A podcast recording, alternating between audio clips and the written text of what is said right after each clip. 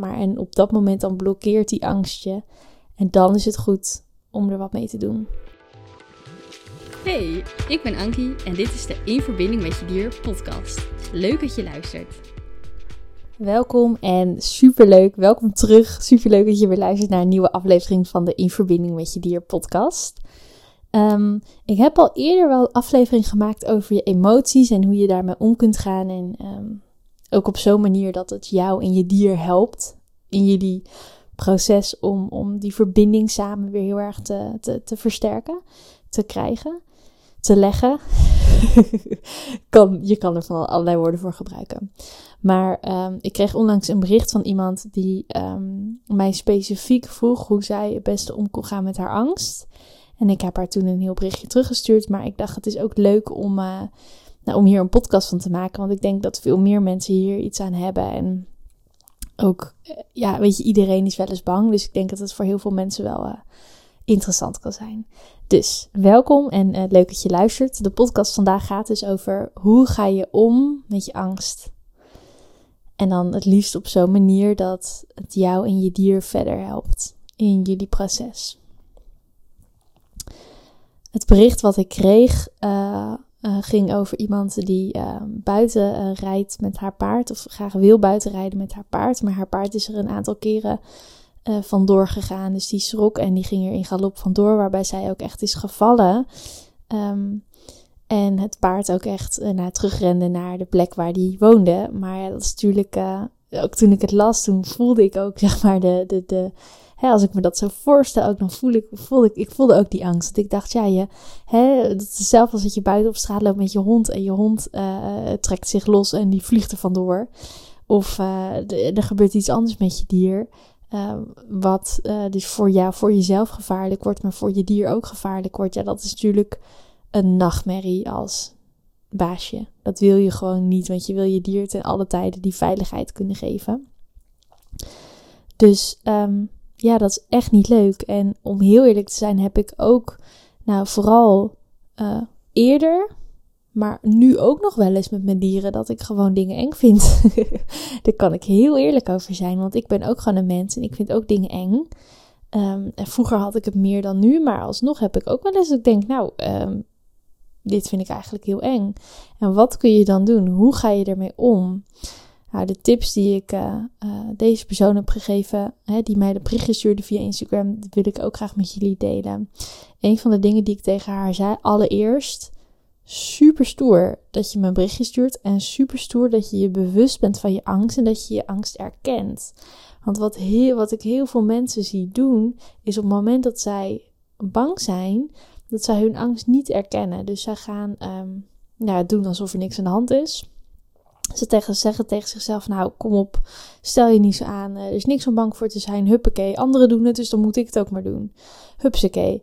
En op het moment dat je jezelf zo pusht, uh, want dat heb ik dus ook gedaan in het verleden. Nou, ik weet niet hoe het voor jou zit, maar bij mij werkt het echt aasrecht. Bij mij werkt het echt niet. Want op het moment dat ik mezelf dan toch uh, verman en toch maar doe van, oh, er is niks in de hand, ik ben niet bang en ik ga het toch maar doen, ja, dan, dan wil het niet. Want dan doe ik het, maar ik doe het terwijl ik me eigenlijk heel onzeker en angstig voel. Waardoor hè, mijn dier voelt het dan ook aan en die reageert daarop. Dus dat, dat werkt helemaal niet. Dus het allerbelangrijkste is, en dat geldt wat mij betreft voor elke emotie die je hebt, voel hem. Erken hem, laat hem er even zijn. Want je kunt hem pas loslaten als je hem hebt vastgehouden. En met vasthouden bedoel ik dat je je emotie even voelt. Dat je hem echt eventjes er laat zijn en dat hij er gewoon even is en dat je hem voelt. En ik heb dit al eerder in de aflevering verteld, maar als jij je emotie echt voelt, dan duurt die 60 tot 90 seconden. Dus um, voel hem, laat hem er even zijn en dan laat je hem weer los. En het kan best zijn dat je, hè, die 60 tot 90 seconden is heel kort. Emoties duren vaak veel korter dan dat we doorhebben. De eerste keer dat ik dit hoorde was ik daar ook echt stom verbaasd over. Ik dacht, nou dat kan niet. Maar toen ben ik het dus gaan timen. als ik mijn emotie echt toeliet en hem echt even voelde. En inderdaad, het duurde eigenlijk maar heel kort en dan was hij alweer weg. Dus het is heel belangrijk dat je je emoties gewoon goed doorvoelt. Het kan ook best zijn dat je dan dat dat topje, het ergste, het heftigste van die emotie 60 tot 90 seconden duurt. En dat je hem daarna ook nog wel een beetje voelt. Of dat hij daarna nog wel een beetje doorsuddert. Maar als je hem voelt, voelen is altijd beter dan hem wegstoppen. Want als je je emotie wegstopt en hem er niet laat zijn, dan komt hij vroeg of laat terug. Maar dan is hij opgestapeld met nog heel veel andere emoties die je ook hebt weggestopt. Dus dan komt het altijd heftiger terug. Dus je kunt maar beter gewoon eerlijk zijn naar jezelf en naar je dier en hem voelen. Dus dat is één. Dus erken je emotie. En dat vond ik dus ook heel stoer van degene die mij die bericht stuurde. Van wauw, wat stoer dat je dit durft te vertellen. Wat stoer dat je je er bewust van bent en dat je, er, dat je hem erkent. En bewustwording is de eerste stap naar verandering. Dus op het moment dat jij je ergens bewust van bent, dan pas kun je er iets mee doen. Als jij je angst niet erkent en je hebt wel door van oeh, ik vind het een beetje eng, maar ik doe maar gewoon alsof er niks aan de hand is. Ja, dan gaat het ook nooit veranderen. Het kan pas veranderen op het moment dat jij zegt: hé, hey, oké jongens, ik vind dit hartstikke eng. Dat mag. Daar ben je mens voor. Je mag dingen eng vinden. Dieren vinden dingen ook zo vaak eng. Dus dat mag. Het is helemaal normaal. Het is ook logisch, want jouw hersenen, de functie van angst is om jezelf te beschermen. Jouw hersenen, die, die hebben die angst.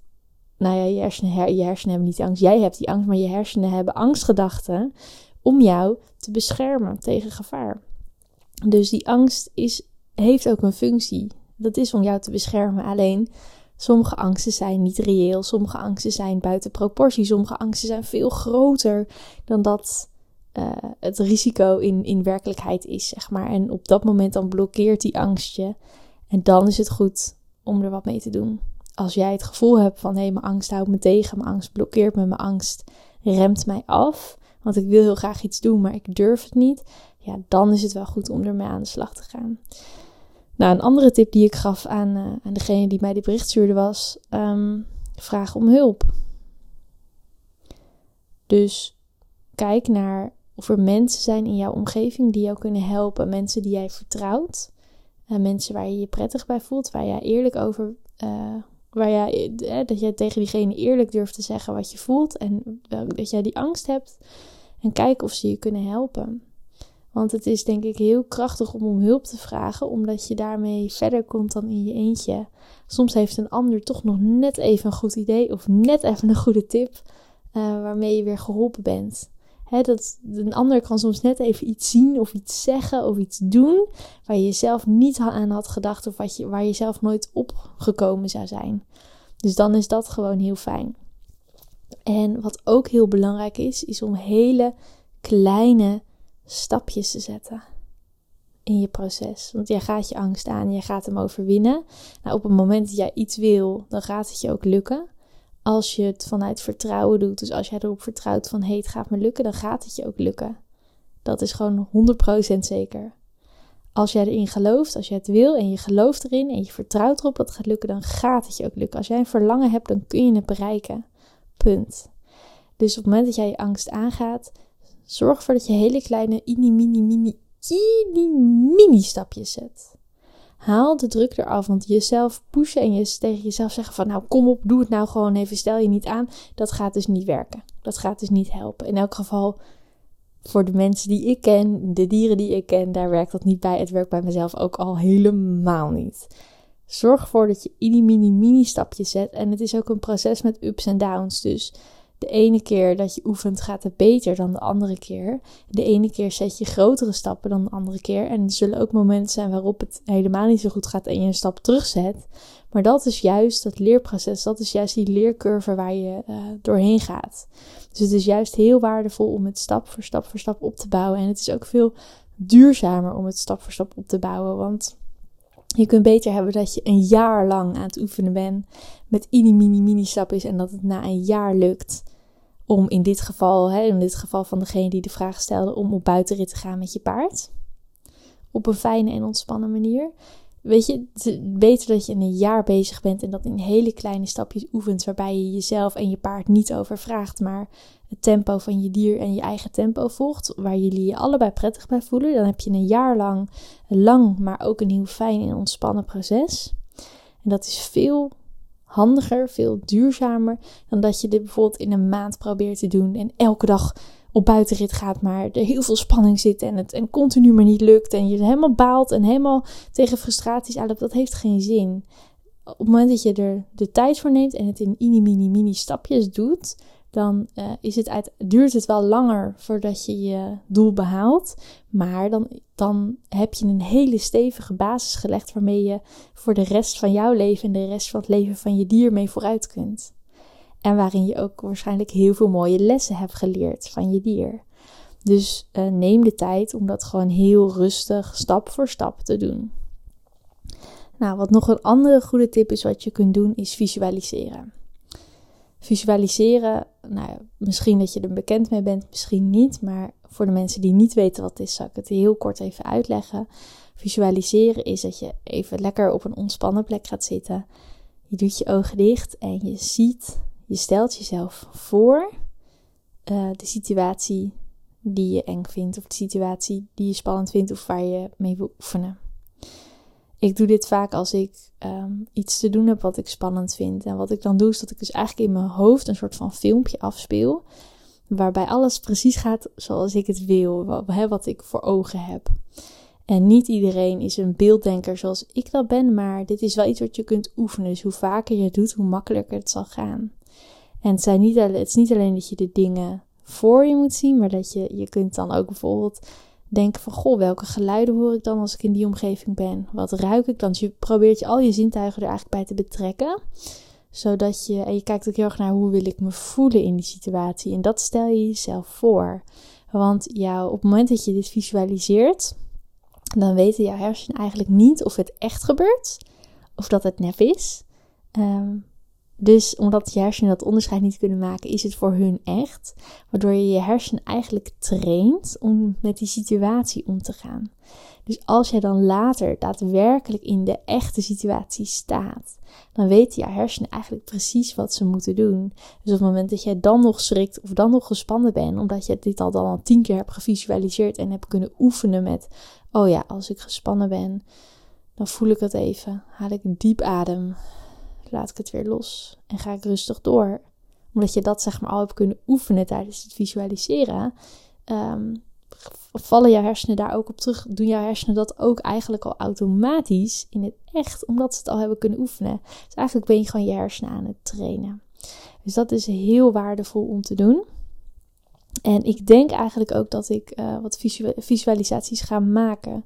Dus als je dat interessant vindt, laat het me vooral weten. Ik ben van plan om wat visualisaties te maken en die dus ook op de podcast uh, te publiceren. Zodat je die kunt luisteren um, en dan tegelijkertijd mee kan doen. Ik denk dat dat voor sommige mensen wel heel fijn is om, nou ja, om zo het visualiseren een beetje op te pakken en daarmee te gaan oefenen en, en te gaan spelen. Dus mocht je dat interessant vinden, laat me vooral even weten. Um, want dan kan ik ook kijken um, waar, je, waar mensen behoefte aan hebben en waar ik de visualisaties op kan toespitsen. Um, nou, ik denk dat dit hem voor nu is. Ik heb uh, alles verteld wat ik wou vertellen. Dus ik ben benieuwd wat je van de aflevering vond. Laat me dat vooral even weten. En als je er nou iets aan hebt gehad of als je hem interessant vond, deel hem ook vooral met anderen. Want het is voor andere mensen ook heel fijn om uh, te horen of, inspiratie of idee te krijgen hoe ze met hun angst om kunnen gaan. Want nogmaals, angst is iets heel normaals, iets heel menselijks en uh, ook iets wat dieren ook hebben. En dat is ook heel goed, want je angst beschermt je ook. Maar op het moment dat jij merkt van hé, hey, ik wil graag, ik heb een verlangen, ik wil graag iets doen en mijn angst blokkeert me, houdt me tegen. Ja, dan is het gewoon heel mooi om met je angst aan de slag te gaan. Dus als je dat doet, super stoer van je. het is gewoon super stoer als je met je angst aan de slag gaat. Um, nou, dit was de aflevering. Tot de volgende keer.